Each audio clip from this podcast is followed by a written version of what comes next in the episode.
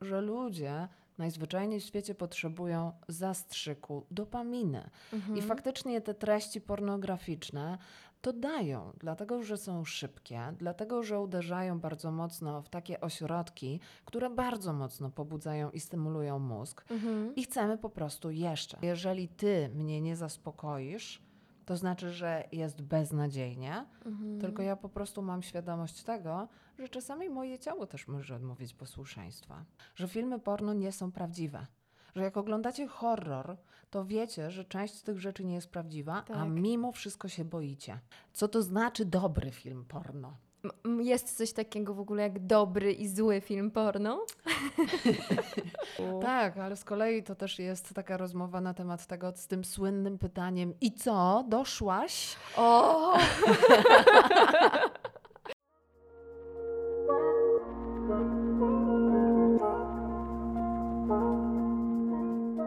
Cześć, z tej strony Agnieszka Dziekan. To jest podcast Studnia bez dna, czyli program, w którym razem z ekspertami rozmawiamy na naprawdę wartościowe tematy. Popływamy sobie trochę w tematyce zdrowia psychicznego i fizycznego, a wszystko po to, żeby żyło nam się lżej. Super, że jesteś. Zaczynamy. Temat seksji, bo coraz częściej, chętniej i głośniej mówimy o seksualności, a kontrowersyjny, bo będzie dziś dum, dum, dum, dum, o pornografii. Zaprosiłam Patrycję Wonatowską, seksuolożkę, psycholożkę i terapeutkę i razem z Patrycją wejdziemy sobie w takie meandry tabuizowanego porno. Dowiesz się dziś między innymi, czy pornografia jest faktycznie tak bardzo toksyczna, bo przecież buduje w głowach zakrzywione wzorce seksualności. Czy da się świadomie korzystać z takich treści, czy jest miejsce na porno w związku i na przykład, czy są fetysze normalne i nienormalne. To jest oczywiście tylko zalążek tego, co poruszyłyśmy podczas tej godzinnej rozmowy. Mam nadzieję, że dużo z niej wyciągniesz, bo mi mocno otworzyła oczy. Zaczynamy. Cześć Patrycja. Cześć Agnieszka. Powiem ci, e, znaczy ty już to wiesz, ale nasi słuchacze nie wiedzą, że jak przyszłaś do mnie, to pierwsze co powiedziałam, hmm, jakoś tak nie stresuję się tą rozmową, ale im bliżej rozmowy, tym bardziej czuję dyskomfort, tym bardziej coś się we mnie takiego zadziewa i myślę sobie, Boże, ale czy ja w ogóle potrafię o tym rozmawiać? Wiesz o czym? Tak, to słowo o tym już teraz nie wskazuje tylko i wyłącznie seksu, Oj tylko coś dużo więcej. Mam takie poczucie, że temat seksuologii jest teraz tematem bardzo mocno poruszanym i że wy, e, psycholodzy, seksuolodzy, macie pełne ręce roboty, ale o porno, o pornografii jeszcze się tak szepcze, jeszcze tak nie mówimy zbyt głośno. Ewentualnie oglądasz, a coś tam oglądam i pośmieję się pod nosem, nie? Jakieś mamy wątpliwe moralne przyzwolenie na to, żeby o tym głośno mówić. Jak to jest? Ja myślę, że przede wszystkim poruszyłaś właśnie sedno tego, Mhm. czyli forma jakiegoś przyzwolenia, forma tego, jak w ogóle patrzymy też na pornografię, co w ogóle i jakie wyobrażenia mamy w głowie, słysząc samo określenie, czyli firm, filmy i treści i materiały pornograficzne. Tak. Bo jeszcze o ile erotyka, hmm, jeszcze trochę inaczej, ale to porno to już jest takie porno, nie? Mhm. Także naprawdę parno się robi w pomieszczeniu. Chociaż w mojej głowie erotyka i porno jakoś mocno się zazębia. Mhm, tak, więc jakby na pewno jest jakieś takie w większości jakieś wyobrażenie, że to faktycznie dotyczy seksualności, że tam ludzie jest duże prawdopodobieństwo, że zobaczysz, jak pewne rzeczy się dzieją. Część będzie rzeczywiście materiałów bezpośrednich, inne będą trochę pośrednie, ale jednak wiadomo, co tam generalnie ci ludzie tak naprawdę wyczyniają. Tak. I no i właśnie, i tutaj sama kwestia tego, że patrzę, jak inni ludzie uprawiają seks, już może być wątpliwa moralnie. No bo Mhm. czy to jest ok, czy to nie jest ok, czy to jest konsensualne, czy to Czy nie ja jest jestem normalna? Oj, przede wszystkim. Więc tych pytań rzeczywiście całkiem sporo się mnoży, a Mhm. dokładając jeszcze do tego właśnie takie typowo naukowe podejście, czyli jak mówimy o pornografii, to coraz częściej jednak to porno wiąże się właśnie z tym elementem uzależnienia, Mhm. czyli No, nie ma tak naprawdę obszaru, który byłby jakoś skorelowany z jakąś pozytywną stroną, z To pozytywną wersją w ogóle materiałów pornograficznych. Powiem ci szczerze, że ja nie znam ani chyba jednego argumentu za.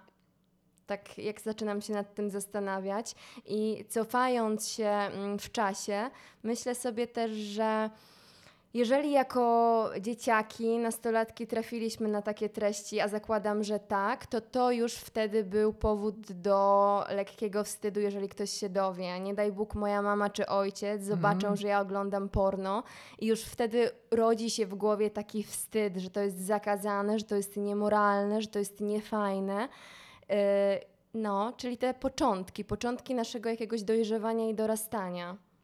To prawda, i jak zaczynasz o tym mówić, to jakoś tak e, trochę mam w głowie taki rys kulturowo-społeczny. Co to Tak. oznacza? To znaczy, rzeczywiście 30 lat temu, ponieważ ja jestem tą osobą, która doświadczała jeszcze starej rzeczywistości, te 30 lat temu było trochę inaczej, bo i dostępność do treści e, pornograficznych była też trochę inna. Mhm. To trochę wiązało się też z jakimś ewentualnym znalezieniem, wyszperaniem jakichś kaset, No tak. jakichś czasopism, gdzieś one były schowane pod łóżkiem. To się wiązało też z jakąś otoczką, nie? Tam była jakaś też taka forma tajemnicy, Mhm. ale też niedostępności. Bo to na przykład był jeden tata, który miał takie treści, no i na przykład grupa innych młodszych chłopców zbiegała się, żeby faktycznie w tej tajemnicy gdzieś tam przed ojcem czy matką faktycznie wyszperać i pooglądać. Mhm. I te treści były też trochę inne. Patrząc na to, co jest teraz i ta dostępność, która jest teraz, to rzeczywiście nie dość, że to dużo bardziej powszechne są materiały, to jeszcze dokładamy drugą kwestię, czyli to, co w ogóle możemy znaleźć. Mhm. Ale to porno faktycznie się tak mocno zmieniło? Wydaje mi się, że zawsze było pokazane przez taką męską, stereotypową soczewkę. Mhm, tak. Tutaj faktycznie, jak już zaczynamy wchodzić w takie szczegóły, to rzeczywiście absolutnie tak jest. One utrwalają w głównej mierze e, te przekazy stereotypowe, ten przekaz właśnie taki typowo genderowy. Tak. Jedna strona jęczy, druga strona działa i generalnie tak to jest i ma być skonstruowane. Tak. Ale dodatkowo jeszcze teraz możesz trafić na takie treści, na które na przykład osoby nastoletnie nie do końca będą rzeczywiście przygotowane, żeby je zobaczyć. Mhm. No? Więc tutaj robi się właśnie taka luka pomiędzy brakiem edukacji seksualnej, pomiędzy tym, do czego mamy dostęp, pomiędzy tym, jakie są przepisy, bo od 15 roku życia potencjalnie możemy robić e, seksy i wszystko jest w porządku. Ale wiesz, ja sobie myślę, że nasi rodzice w dużej mierze też w ogóle nie są wyedukowani, chociaż tyle lat już w ten seks grają. To Udało to im się słynne- nawet coś stworzyć. Tak, to jest to słynne, jak rozmawiać z dziećmi o seksie i w ogóle co powiedzieć.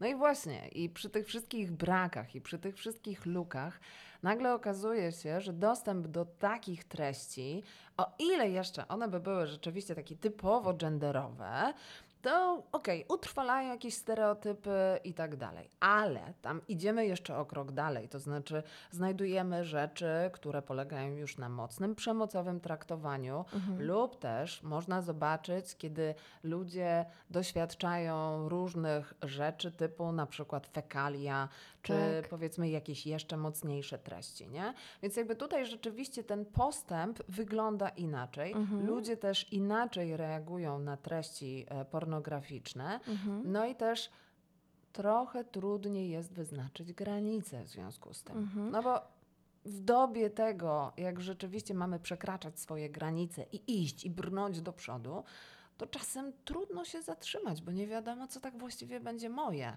Czy Tak. to, że czuję obrzydzenie, oznacza, że mam iść tam dalej, bo przecież Mhm. mam przekraczać te granice, A jeżeli nie czuję, a powinnam czuć, czy coś ze mną jest nie tak, od razu jak powiedziałaś o tych fekaliach. nie, ja w ogóle nie sklejajcie tego ze mną. Czy jeżeli na przykład człowieka pociąga coś, co wydaje się być totalnie nienormalne, to czy oznacza, że jest z nim jakiś problem? Wiesz o co mi chodzi? Mhm. Czy to, że kogoś naprawdę podniecają takie sceny, gdzie ktoś na kogoś, nie wiem, sika, to Mhm. czy to jest jakieś zaburzenie? Jezu, nie potrafiłam skleić tego pytania. To już odpowiadam. Jak to wygląda przede wszystkim z mojej perspektywy? Moja perspektywa jest taka, że pierwsza rzecz, którą warto by było zrobić, to zapytać się, dlaczego i w jaki sposób ja w ogóle docieram do takich treści i do Mhm. takich materiałów. Jak to Mhm. się wydarzyło, że właśnie tutaj te meandry internetu mnie powiodły. Tak. Druga kwestia to trochę też o tym, co się w ogóle dzieje w moim życiu. Bo faktycznie czasami jest tak, że ludzie najzwyczajniej w świecie potrzebują zastrzyku dopaminy. Mhm. I faktycznie te treści pornograficzne to dają, dlatego że są szybkie, dlatego że uderzają bardzo mocno w takie ośrodki, które bardzo mocno pobudzają i stymulują mózg Mhm. i chcemy po prostu jeszcze. To trochę tak jak z, ze słodyczami.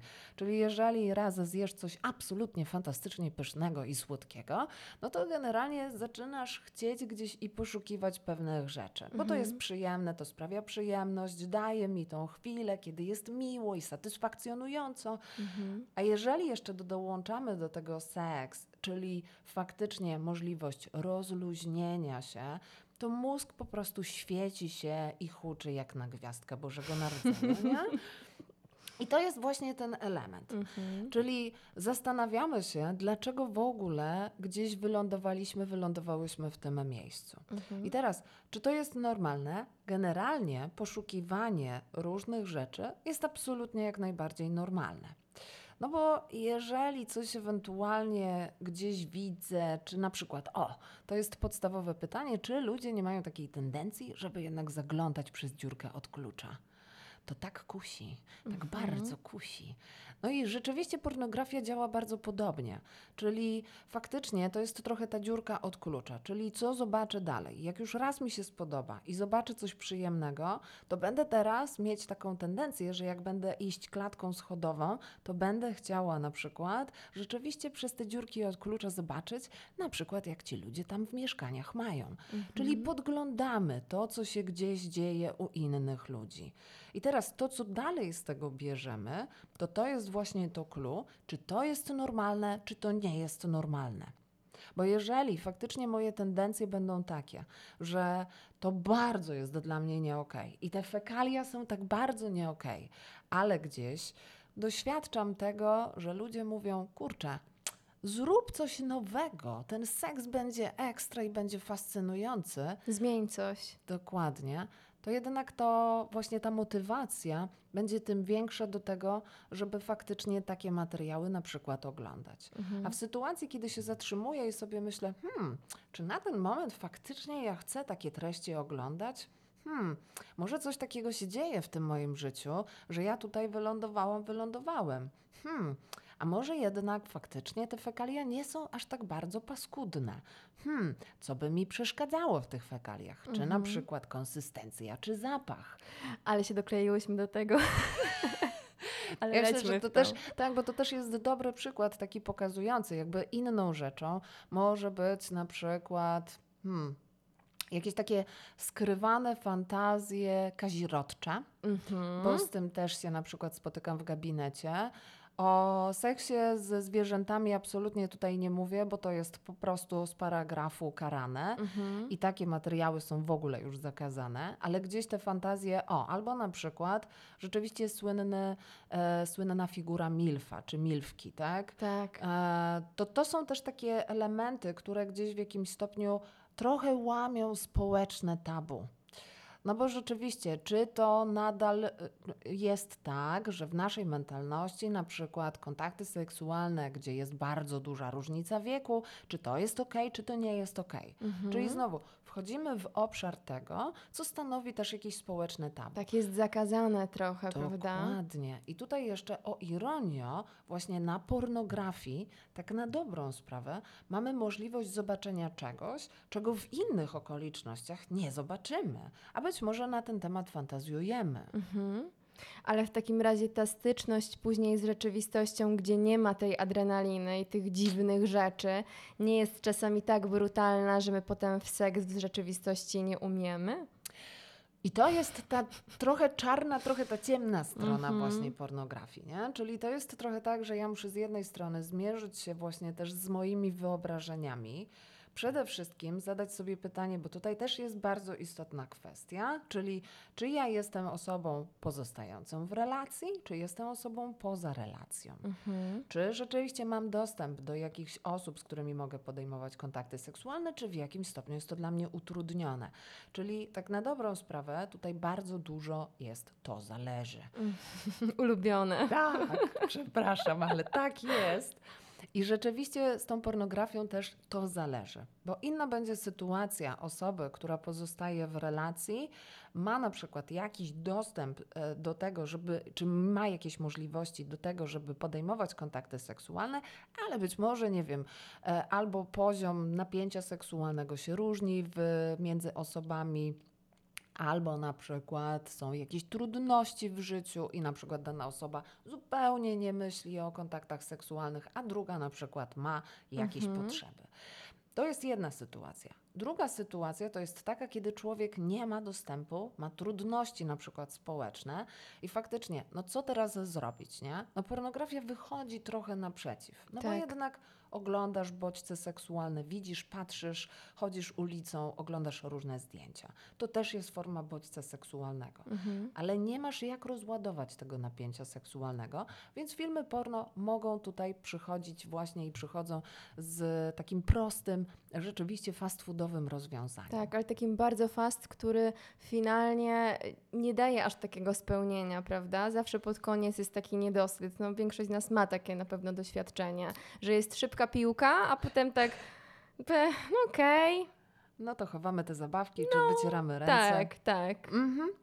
Dokładnie tak. Więc tutaj odkrywamy jeszcze kolejną kwestię, czyli po co ja w ogóle seks na przykład wtedy podejmuję, po co mi są kontakty seksualne i w jakim celu w ogóle to robię. Mhm. Czyli żeby rozróżniać, i tutaj już wchodzimy w jeden właśnie z tych elementów, w jaki sposób dobrze oglądać porno, świadomie. Mhm. To znaczy, ja świadomie czuję, że faktycznie moje ciało na przykład też przeżywa jakieś duże napięcia i tak dalej, i potrafię w jakimś stopniu ogólnie wskazać, czy to jest napięcie wywołane stresem zawodowym na przykład, czy rodzinnym, czy jednak jest to napięcie faktycznie z takiego podniecenia, bo otaczam się na przykład jakimiś ludźmi, którzy robią na mnie tak piorunujące wrażenie. Jestem demiseksualny, demiseksualny, jak ten człowiek do mnie tak powie, to po prostu. Mm, Padnę. no, nie? Tak. I to wtedy jak najbardziej będzie absolutnie okej. Mhm. Natomiast sytuacja, w której rzeczywiście człowiek wykorzystuje masturbację tylko i wyłącznie do tego, żeby na przykład się rozluźnić, bo ma trudności w ekspresji emocjonalnej, w nazywaniu emocji, to wtedy faktycznie tutaj jest dużo większe prawdopodobieństwo, że wyrabia się konkretny schemat, więc ja się wtedy dużo mniej nad tym zastanawiam, po co to robię. Mam rozluźnienie, mam, jest szybkie, ekstra, spoko, załatwione, idziemy w ten dzień dalej, nie? Mhm. A potem, kiedy w rzeczywistości trzeba się postarać, są problemy. Tak, no bo właśnie mam już jakąś wyrobioną ścieżkę, jakiś schemat tego, jak to się odbywa. Mało tego, jeżeli są to na przykład osoby z penisami, Mhm. no to to jest na przykład jakiś konkretny uścisk Mhm. dłoni czy masturbatora, czyli jakieś już konkretne doznania i doświadczenia. Jeżeli są to osoby z cipkami, no to też na przykład może być konkretna stymulacja, konkretna wibracja, której na przykład powiedzmy, nie wiem, czy inna osoba palcem, czy wibratorem, czy penisem nie będzie w stanie na przykład takich wibracji mi zapewnić. No nie? tak. Mhm. Więc to jest też trochę to, żeby wtedy wchodząc w relacje z innym człowiekiem, z innymi osobami, jednak mimo wszystko też mam też na uwadze właśnie ten aspekt ludzki. Mhm. Czyli po co ja tak właściwie ten seks uprawiam? Że tam nie jest tylko i wyłącznie, o, owszem, może być, ale nie jest tylko i wyłącznie o tym, żeby za wszelką cenę doszło do orgazmu, tylko jest tam jeszcze jakaś forma być może jakiejś intymności, może jakiegoś fanu, może jakiejś bliskości, może wszystkiego naraz, a może nic, tylko po prostu mam ochotę doświadczyć i posmakować nowych rzeczy. Więc tutaj właśnie to świadome podchodzenie do tego jest bardzo istotne. Dzięki temu to wtedy jest możliwe wykorzystywanie porno w tym pierwszym przypadku, czyli w relacji, kiedy jestem właśnie z drugą osobą, no a nasz seks na przykład staje się niejakiś. Mhm, ale to jest, e, wiesz co, strasznie trudne. Myślę sobie, że mm, temat e, pornografii w związku to jest już absolutne tabu i jedno Mhm. drugiemu się nie przyznaje, jedno ogląda, drugie nie wie. E, Bo mi, dla mnie jest okej, ale żeby on to robił, ona to robiła, Mhm. oj nie, nie, nie, nie, nie. Czego my się tak strasznie boimy?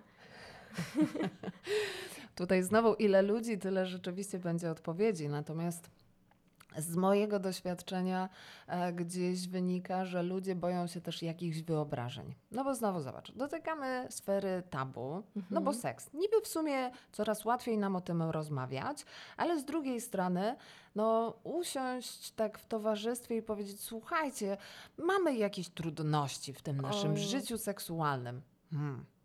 Nie rozmawia się. Nie, Nie? absolutnie. Raczej przepychamy się tym. U nas jest tak, my byliśmy tak, my byłyśmy Mhm. tam i próbujemy tego, No. a my robimy to i korzystamy z tych z zabawek na przykład, nie? A w sytuacji, w której człowiek powie, ja mam jakąś trudność, nie? Co wy na to? Jakby jak sobie z tym e, radzicie? Albo w ogóle nie macie takich problemów, może ja coś źle robię. Tu będzie rzeczywiście bardzo trudno. Raczej będzie tak, że jesteś osobą, która faktycznie dba o to życie seksualne i ty jesteś taka pro, taka do przodu, więc na pewno z tym swoim e, partnerem, partnerką na pewno oglądacie to porno, no bo jesteście tacy progresywni. Tacy nie? otwarci w ogóle. A prawda jest taka, że znowu tutaj e, pojawia się pytanie, po co my chcemy oglądać to porno? Czyli jeżeli faktycznie ludzie zaczynają ze sobą rozmawiać i gdzieś ten seks może jest jakoś tak faktycznie trochę za bardzo taki sam, może za rzadko ewentualnie jest, to co można zrobić? I tutaj oczekiwanie, że ludzie nagle wpadną na jakiś wspaniały, fantastyczny pomysł, no jest z założenia błędne. No bo to jest trochę tak, jakby postawić przed kimś rower i powiedzieć jedź. To będzie trudne. Mhm. Potrzebujemy jakiejś reprezentacji do tego, żeby gdzieś pewne rzeczy zobaczyć, Tak. przekonać się. I właśnie to jest ten drugi aspekt też tego, po co w ogóle porno i kiedy porno może robić dobrze.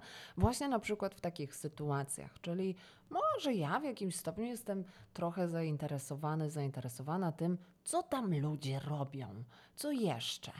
Czy to jest trochę tak, że te zdjęcia z tej kamasutry, gdzie faktycznie trzeba być wyćwiczonym do granic niemożliwości czasami, Tak. czy to jest dla mnie, czy nie? Czy ja jednak chciałbym, chciałabym zobaczyć coś bardziej żywego, coś bardziej naturalnego? Albo w ogóle popatrzeć, czy rzeczywiście na przykład chociażby to jęczenie w tym seksie to jest tak, że to trzeba tak właśnie jak na tych mainstreamowych filmach? Czy to można tylko pisknąć?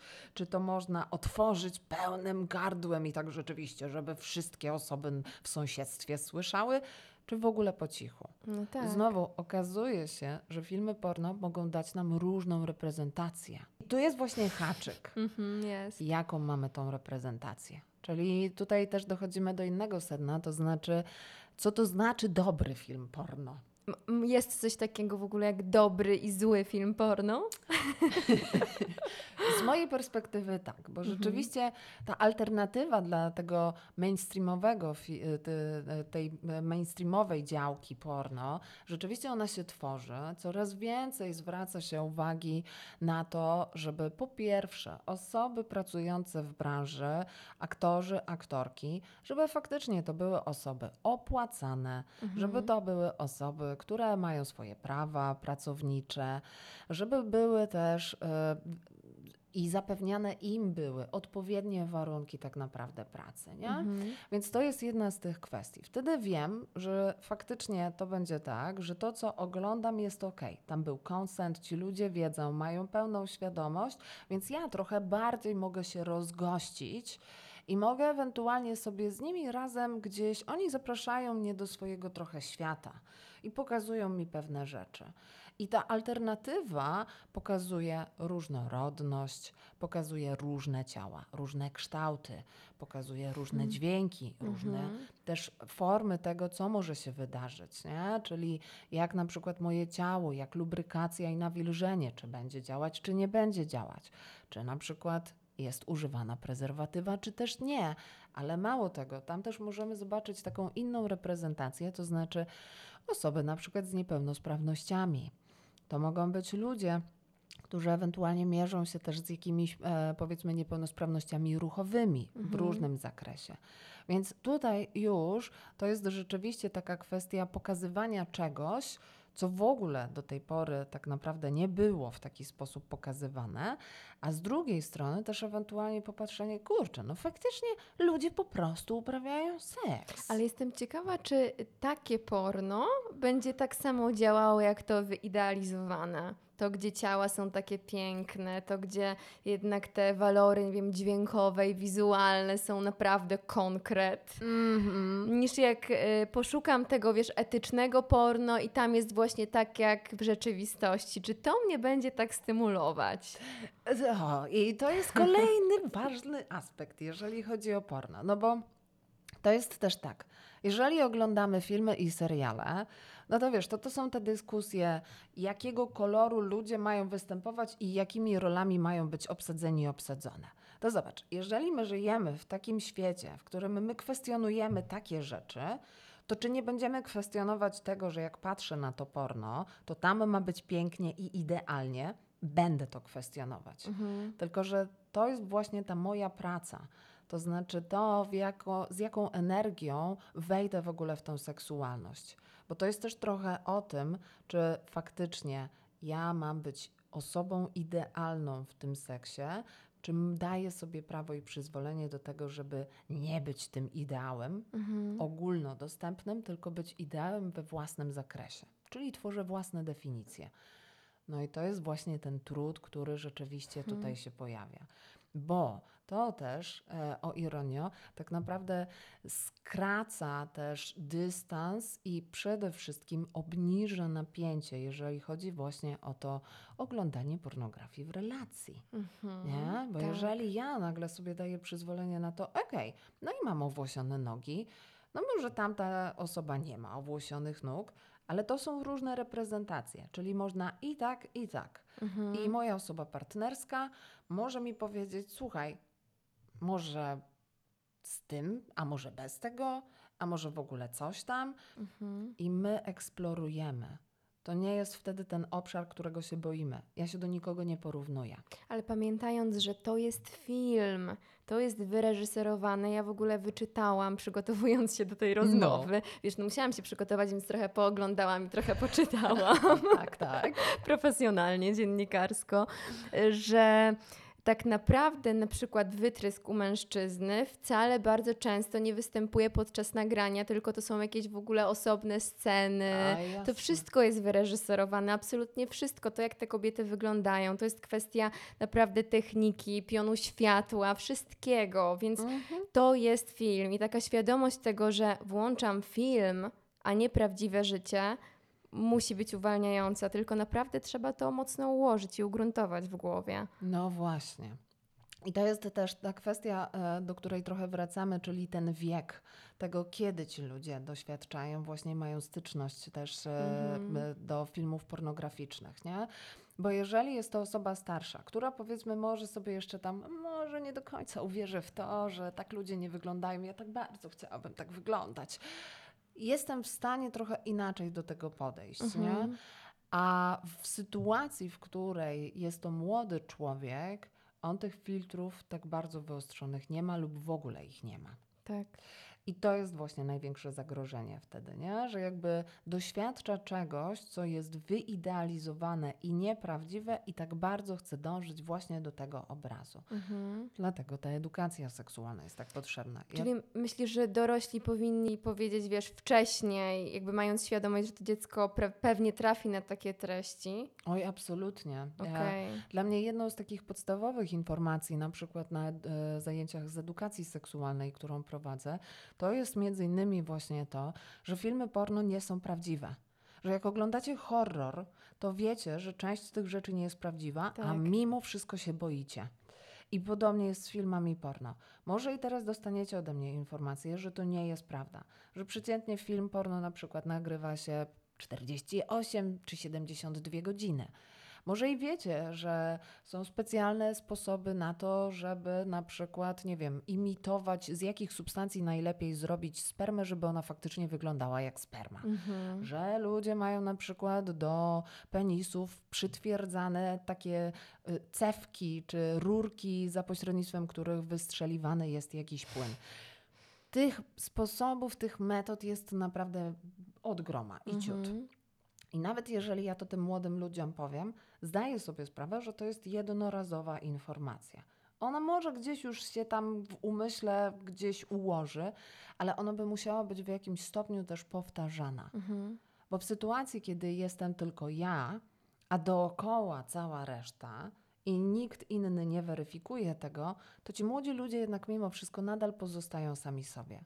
My nie mamy zakazywać, my mamy uczyć ich odpowiedzialności i tego, co pewne rzeczy mogą zrobić. Mhm. Mamy wychować ich. A najlepsze jest, wiesz, karanie bez wytłumaczenia do końca w ogóle, No. co się wydarzyło, nie? Albo w drugą stronę, traktowanie materiałów pornograficznych jako filmy edukacyjne, gdzie na przykład chłopcy, a i z takimi sytuacjami się też spotkałam, gdzie młodzi chłopcy e, zostają usadzeni e, przez swoich ojców i oglądają razem film porno Nie. w celach nau, e, nauczania. Naprawdę? Niestety jeszcze takie sytuacje pojedyncze się wydarzają. Mhm. To niby jest urban legend i to się tak mówi, że to się takie rzeczy nie dzieją. One jeszcze jednak się niestety czasem dzieją. Mhm. To też biedny dorosły facet, Mhm. że ma wciąż takie podejście. Mhm. No właśnie, warto tutaj zaznaczyć, że porno to nie jest ta seks edukacja, nie? To jest naprawdę fikcja. Dokładnie tak, więc jakby to jest rzeczywiście taki rdzeń tego, że to, to, trochę tak, jeżeli na przykład mamy zabawki, gadżety erotyczne i rzeczywiście y, mówimy o tym, że jasne, można z nich korzystać, ale też trzeba się czegoś dowiedzieć. Z filmami pornograficznymi jest dokładnie tak samo. Można z nich korzystać, ale najpierw trzeba się czegoś dowiedzieć. Hmm. I ja też jestem zwolenniczką właśnie takiego podejścia na zasadzie, chcesz oglądać? Okej, dowiedz się, czy wytwórnia, w której powstają te filmy, kładzie na coś nacisk. Kładzie nacisk na inkluzywność, na różnorodność, na to, że naprawdę osoby tam pracujące są też zaopiekowane, że zwraca się uwagę na przykład na e, badania w kierunku STI-ów i tak dalej, i tak dalej. Kolejna rzecz. Może ewentualnie fajnie zajrzeć jednak do tych miejsc, z których i w których za filmy trzeba płacić. Mhm. Lub też na przykład przekierowywać jakieś dowolne darowizny. Bo dzięki temu też budujemy zaplecze do tego, żeby te filmy faktycznie fajne filmy powstawały Widzisz, w ja nawet ilościach. nie wiedziałam, że coś takiego jest. Nie miałam totalnie pojęcia. No, Niesamowite to. Więc jakby, żeby właśnie takie rzeczy mieć na uwadze, czyli trochę się przygotować, nie? Mhm. A nie tak, że po prostu, o, porno jest porno, przecież włączam sobie dowolną stronkę i mam. Mhm. Dowiedzcie się trochę więcej. Jakby, bo to jest też między innymi nasz kapitał seksualny, to znaczy właśnie ta inteligencja erotyczna, inteligencja seksualna. Czyli ja trochę sobie tak zastanawiam się, co właściwie jest ważne w moim życiu seksualnym. Czy rzeczywiście jest tak, że nie wiem, nie ma znaczenia dla mnie to, z kim, gdzie, co, jak i w ogóle ważne tylko, żeby był seks. No to jeżeli mam takie podejście, okej, raz na jakiś czas nie ma problemu, ale jeżeli mam cały czas takie podejście, to w jaki sposób ja podmiotowo traktuję tego drugiego człowieka? Mhm. I tak samo, jeżeli widzę to na ekranie, jeżeli to są kamerki, faktycznie tam jest drugi człowiek. On też wykonuje jakieś usługi. I bez względu na to, czy jest to osoba, która dla mnie tańczy, która się dla mnie rozbiera, czy robi, robi cokolwiek jeszcze innego, to też jest jakaś forma usługi. Więc jakby tutaj, jeżeli potrafię na przykład pana czy panią, która przyjdzie i naprawi mi zlew, traktować z szacunkiem, to ta branża jest dokładnie taka sama Mhm. Żeby właśnie zacząć rozmawiać o tym, że seksualność jest dokładnie jak ten zlew, częścią naszego życia i możemy o nim rozmawiać w bardzo różny sposób. A jeżeli będziemy jeszcze bardziej spłycać i przekierowywać to właśnie do tej strefy tabu, to nagle się okazuje, że właśnie tam jest bardzo dużo takich strachów, które są pochowane i poupychane w tych szafach. I nagle, jak tylko uchylimy rąbek, to tam wszystko się na nas wylewa. Tak. Nie? Że samym zagrożeniem będzie to, że my w ogóle razem będziemy oglądać to porno. No bo przecież tamta osoba coś takiego robi, a ja tego nie zrobię. I nie wyglądam tak jak oni. Dokładnie. No, kobiety strasznie dużo kompleksów e, wyciągają po, po pornografii, po tych wyidealizowanych kobietach, ale na przykład też, też wyczytałam, że wraz z pornografią, im bardziej jest ona ogólnodostępna, tym więcej kobiet właśnie decyduje się na operacje wszel wszelkich części ciała, Tak. piersi, cipki. I to jest też niesamowite, bo y, też nie wiedziałam o tym, że ta taka idealna cipka, czyli zamknięta bułeczka, to nie jest cipka dorosłej kobiety. Tak. Że niewiele kobiet tak ma w ogóle. Dokładnie tak. No, dla mnie to, wiesz, to jest ciekawe, że jesteś tak. dorosłą osobą i, i dowiadujesz się, do tak, takich- dowiadujesz się rzeczy w ogóle tak podstawowych i masz takie Mhm. wow, Jezu, nie wiem, nie wiedziałam o tym. Mhm. Albo wiesz, no, czy owłosienie jest naturalnym elementem życia ludzkiego? Jak No. najbardziej. Owszem, możemy podjąć decyzję o tym, czy ono jest, czy go nie ma, ale tam nie ma żadnego obowiązku. I właśnie ta Mhm. alternatywa porno, to to jest właśnie ta przestrzeń, w której można zobaczyć dużo więcej. Nie? Że to jest właśnie też ten obraz rzekomo nieidealnego, ale jednak dużo bardziej idealnego ciała Mhm. żeby trochę zmienić tą perspektywę. Że ja nie mam wychodzić z założenia, że to ja muszę się dostosować właśnie do tego, co tam widzę, Mhm. tylko ja chcę znaleźć takie rzeczy, które po prostu będą pokazywać moje życie. Takie zwyczajne, ale niezwyczajne. Mhm, mhm. Hmm, myślę sobie tak o tej e, szybki, o tych szybkich strzałach dopaminy Mm. e, i zastanawiam się, mm, na ile ta dopamina w ogóle się wydziela wraz z wzrostem oglądania takich rzeczy. Czy ten organizm reaguje tak samo, czy to się zaczyna, wiesz, już tak strasznie spłycać, że ta dopamina jest już, nie wiem, niewyczuwalna przez nasz mózg. To jest trochę tak, że w miarę jedzenia apetyt rośnie. No właśnie. I tutaj dokładnie działa to tak samo, czyli doświadczam czegoś raz, jest ekstra, później ewentualnie za jakiś czas do tego wracam, a Mhm. później chcę więcej i częściej. I właśnie to jest też ten e, element, w którym mogę odnajdywać i znajdywać takie treści, na które w przeciętnych okolicznościach w życiu bym się nie zgodził, nie zgodziła. I Mhm. nie chciał, nie chciała na przykład ich oglądać, nie? Czyli po prostu czegoś kompulsywnie na przykład potrzebuję i rzeczywiście za wszelką cenę muszę to doświ- tego doświadczyć, nie? I to jest znowu trochę też tak, że to jest jeszcze, dochodzi tutaj ten element bardzo mocno poczucia winy. Bo też to, że na przykład, owszem, teraz już mówimy coraz częściej, że dziewczyny też oglądają porno i to jest super, kobiety, faceci też oglądają porno, ale jednak trzeba uważać. Wiesz, Ale faceci czę- częściej niż kobiety. tak. I to jest, czy to nie jest tak, że to jest to nadal bardzo mocno o tym, jaki mamy w ogóle stereotyp i podejście do seksualności. Mhm. Mężczyzna, trochę bardziej wyzwolony, kobieta, no musi wyszarpywać pewne rzeczy. No już mają, oglądają, super ekstra, ale żeby jeszcze nie było tak pięknie i kolorowo, to rzeczywiście tam na przykład zróbmy ten element, że tam będą te piękne, idealne ciała, nie? Mhm, mhm. A tutaj też w tym wszystkim. Czekaj, bo zapomniałam pytania. O czym? O dopaminie. Tak, Dobra. tak. Okej. No, tak całkiem nieźle, że nie ma tak dużo dygresji. I tutaj właśnie chodzi o ten wyrzut dopaminy. Czyli w sytuacji, w której ja doświadczam czegoś, co rzekomo ma być właśnie moim takim numerem jeden i top of the top, to ja będę dużo chętniej chcieć do tego dążyć i zaglądać, bo tak też będzie usytuowane moje wyobrażenie na temat mnie samej. Czyli jeżeli ja będę tam na przykład patrzeć i będę te rzeczy robić, to znaczy, że moje życie seksualne Jest udane. tak, Mhm, mhm, bo taki też mechanizm i taką informację dostaje mózg.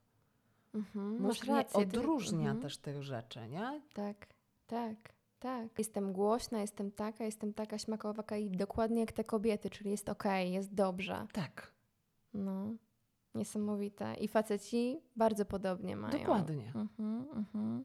Więc dodatkowo jeszcze właśnie te wyrzuty dopaminy, to wszystko, co się tam w tym mózgu zaświeca, powoduje, że to mnie wzmacnia, jeżeli ja chcę tego więcej, bo tam mam rzeczywiście tą informację, że tak ma wyglądać moje życie. Tam jest to moje top of the top. Tam jest właśnie ta idealna ekspresja i wersja mnie jako istoty seksualnej.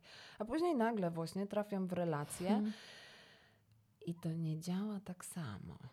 Bo tam ta kobieta na przykład zupełnie inaczej się zachowywała, a ta tutaj się tak nie zachowuje, więc Tak, generalnie... nie wije się jak po prostu jakaś jaszczura. Tak.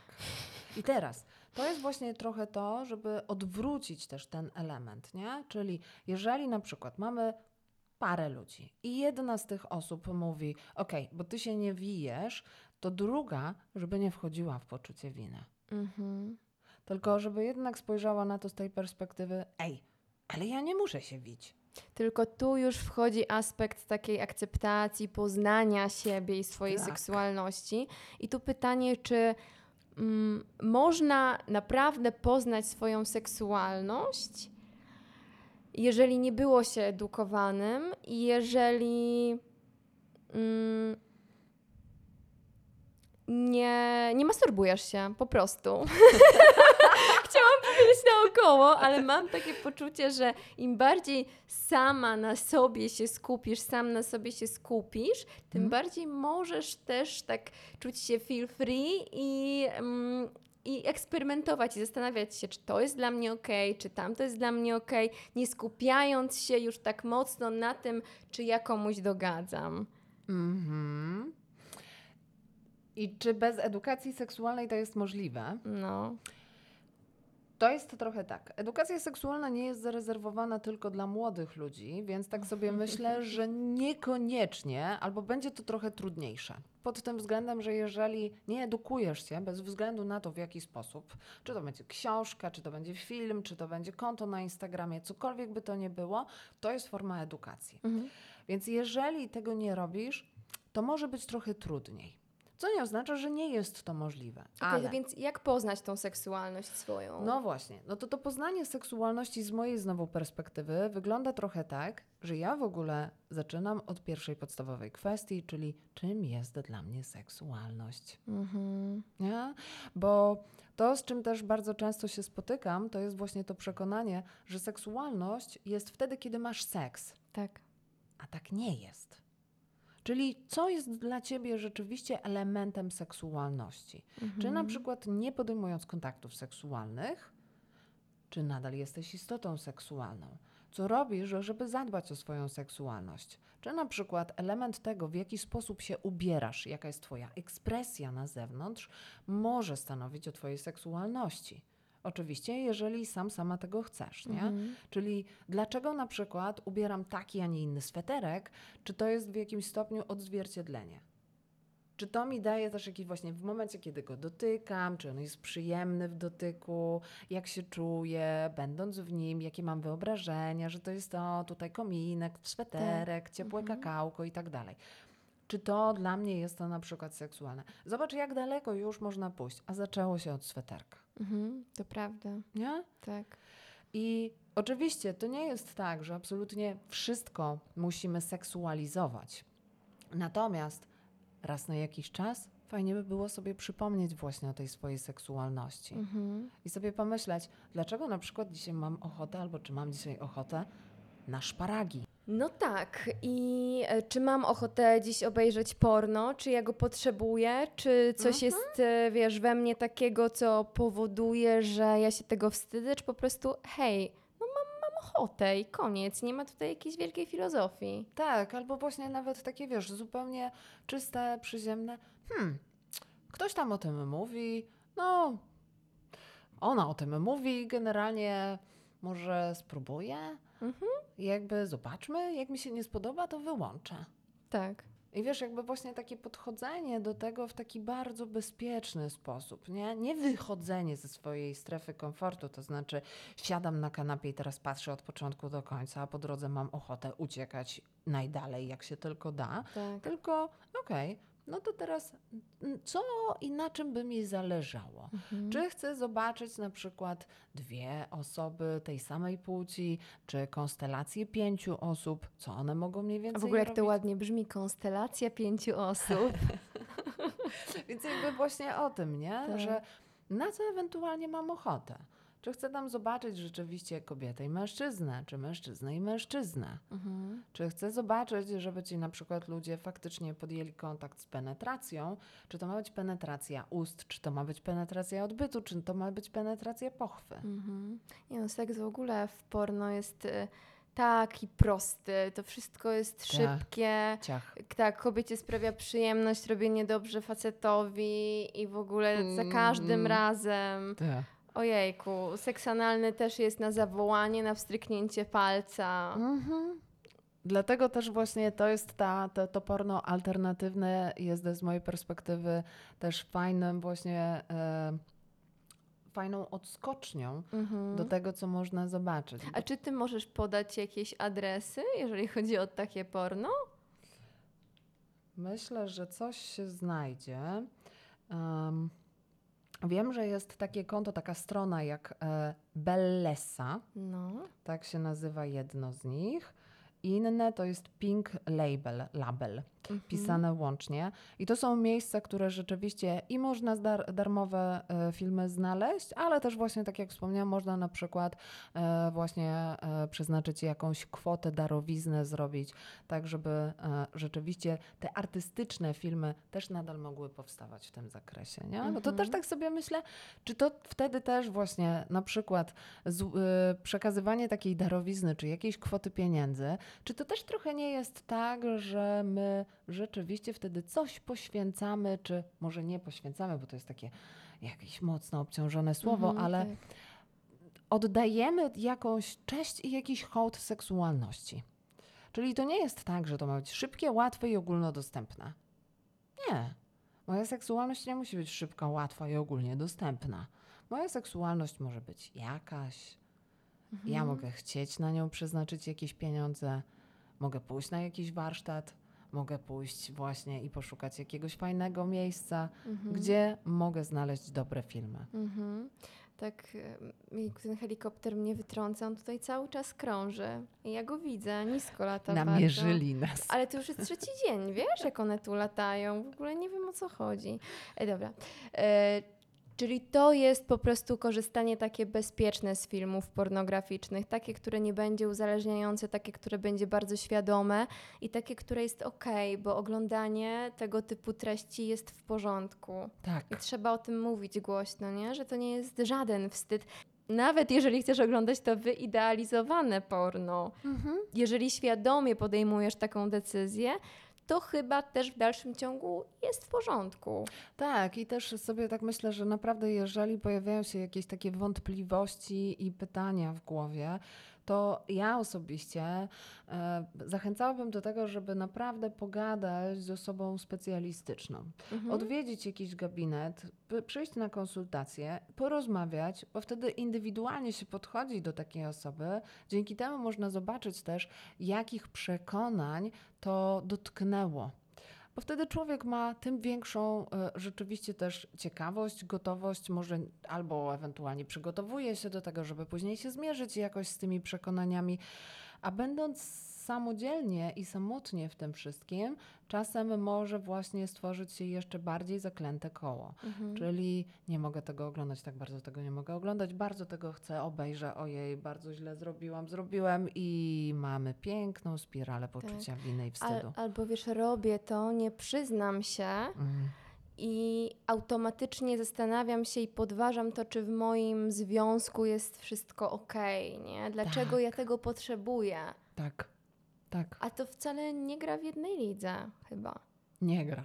Mhm. Nie, zdecydowanie nie. No tutaj właśnie to też dopuszczanie do tego, że moja seksualność i seksualność na przykład innej osoby to są dwie różne seksualności. One mogą się spotkać, nie muszą Mhm. i to jest właśnie ten element, nad którym też warto się poruszać czy pochylać w ogóle będąc w relacji, że ja nie będę tylko i wyłącznie uprawiać seksu, kiedy ta druga osoba będzie chciała. Bo ja Mhm. mogę chcieć uprawiać seks dużo częściej niż ta druga osoba i to nadal jest okej, tylko Mhm. naszym zadaniem jest jakoś znaleźć właśnie jakieś ewentualne rozwiązanie, możliwość, czy ja mogę robić to przy tej osobie, czy lepiej, żeby na przykład zmienić pokój, pójść do toalety, albo może nie chcę iść, wychodzić do toalety, może chcę jednak w ciągu dnia, a ta druga osoba nie chce.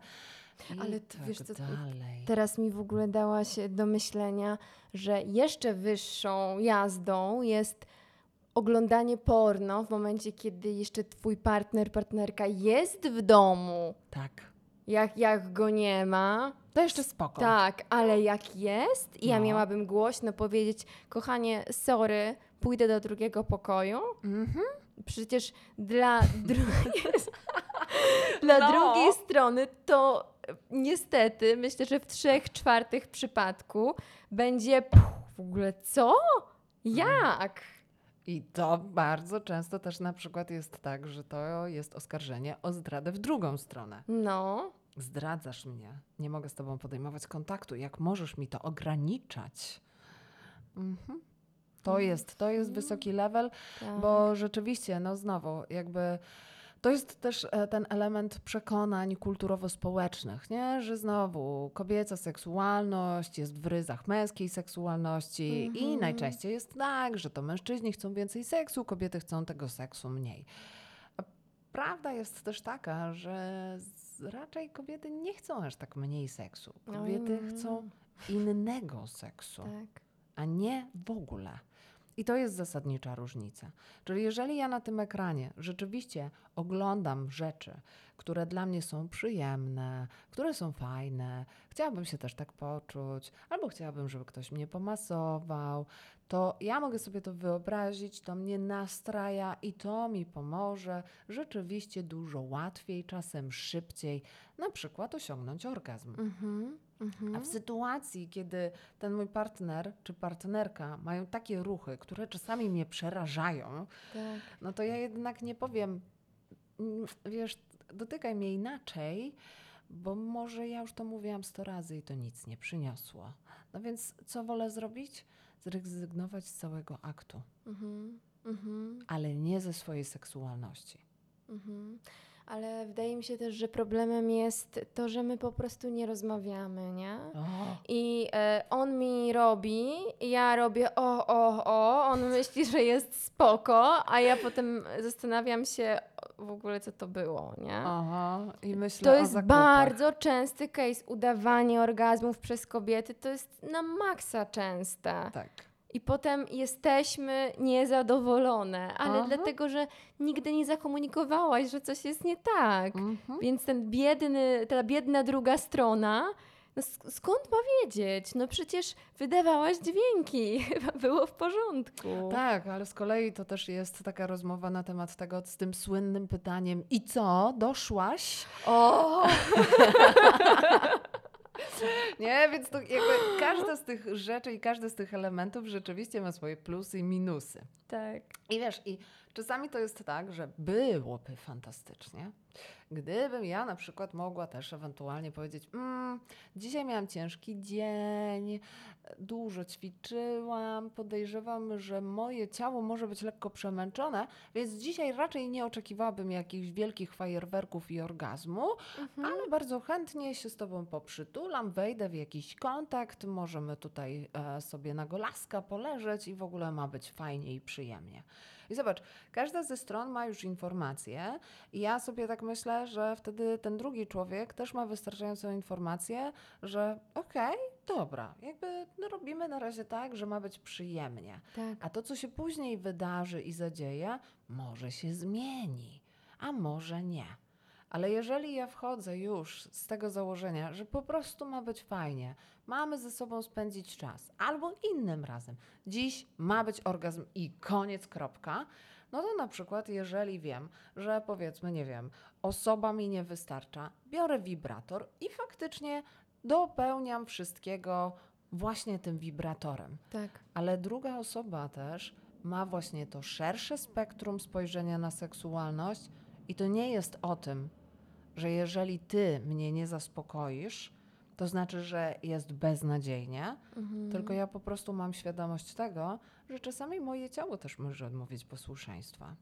Bo właśnie przebiegło na przykład 10 kilometrów i może być tak, że może niekoniecznie to się teraz wydarzy i się uda. Tak. A nie? za wszelką cenę ja chcę cię Tak. doprowadzić. A im nie? bardziej nie mogę, tym bardziej się stresuję. Im bardziej Tak. się stresuję, tym bardziej na przykład pochwa jest mniej nawilżona. Jak jest mniej nawilżona, jest więcej otarć. Hmm. Przekręcam się na drugi boczek. Tak jest. Oj, to jest temat absolutnie rzeka. Tak.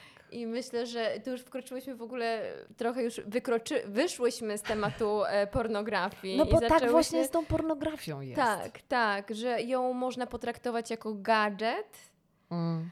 potraktować bardzo świadomie y, i mając ten zdrowy dystans, korzystanie z niej jest okej. Mhm. I wydaje mi się, że w naszych rękach jest wprowadzanie takich treści do rozmów, nie? Mhm. Spróbowanie z, za, jakby wyjść czasami z inicjatywą rozmowy Mm. z bliskimi przyjaciółmi na ten temat. Dokładnie. Myślę, że może być to początkowo krępujące, ale zaznaczenie, że to jest temat jak każdy inny, jakby wiem, że to budzi dyskomfort, ale w sumie pomyślałam, że dlaczego nie? Dlaczego by o tym nie pogadać? Mhm. I każda jedna taka rozmowa w każdym jednym środowisku może spowodować, że za x lat w końcu y, podeślesz mi fajnego linka wieczorem, powiesz, hej Aga, trafiłam na spoko film, nie? I to Mhm. nie będzie jakieś strasznie cringe'owe. Tak. Tak, ten pan z pizzą na przykład. Tak, dziękuję Ci bardzo. Dzięki bardzo. Naprawdę, myślę, że to była fajna rozmowa i, i tak śmieję się trochę z siebie, bo było kilka takich momentów, w których pró- chciałam naokoło, ale w sumie no nie, no nie da się naokoło. I po O. co naokoło? Tak, dokładnie. Niesamowite. Dziękuję Ci jeszcze raz. Dziękuję bardzo za. za, za... Dziękuję Ci bardzo.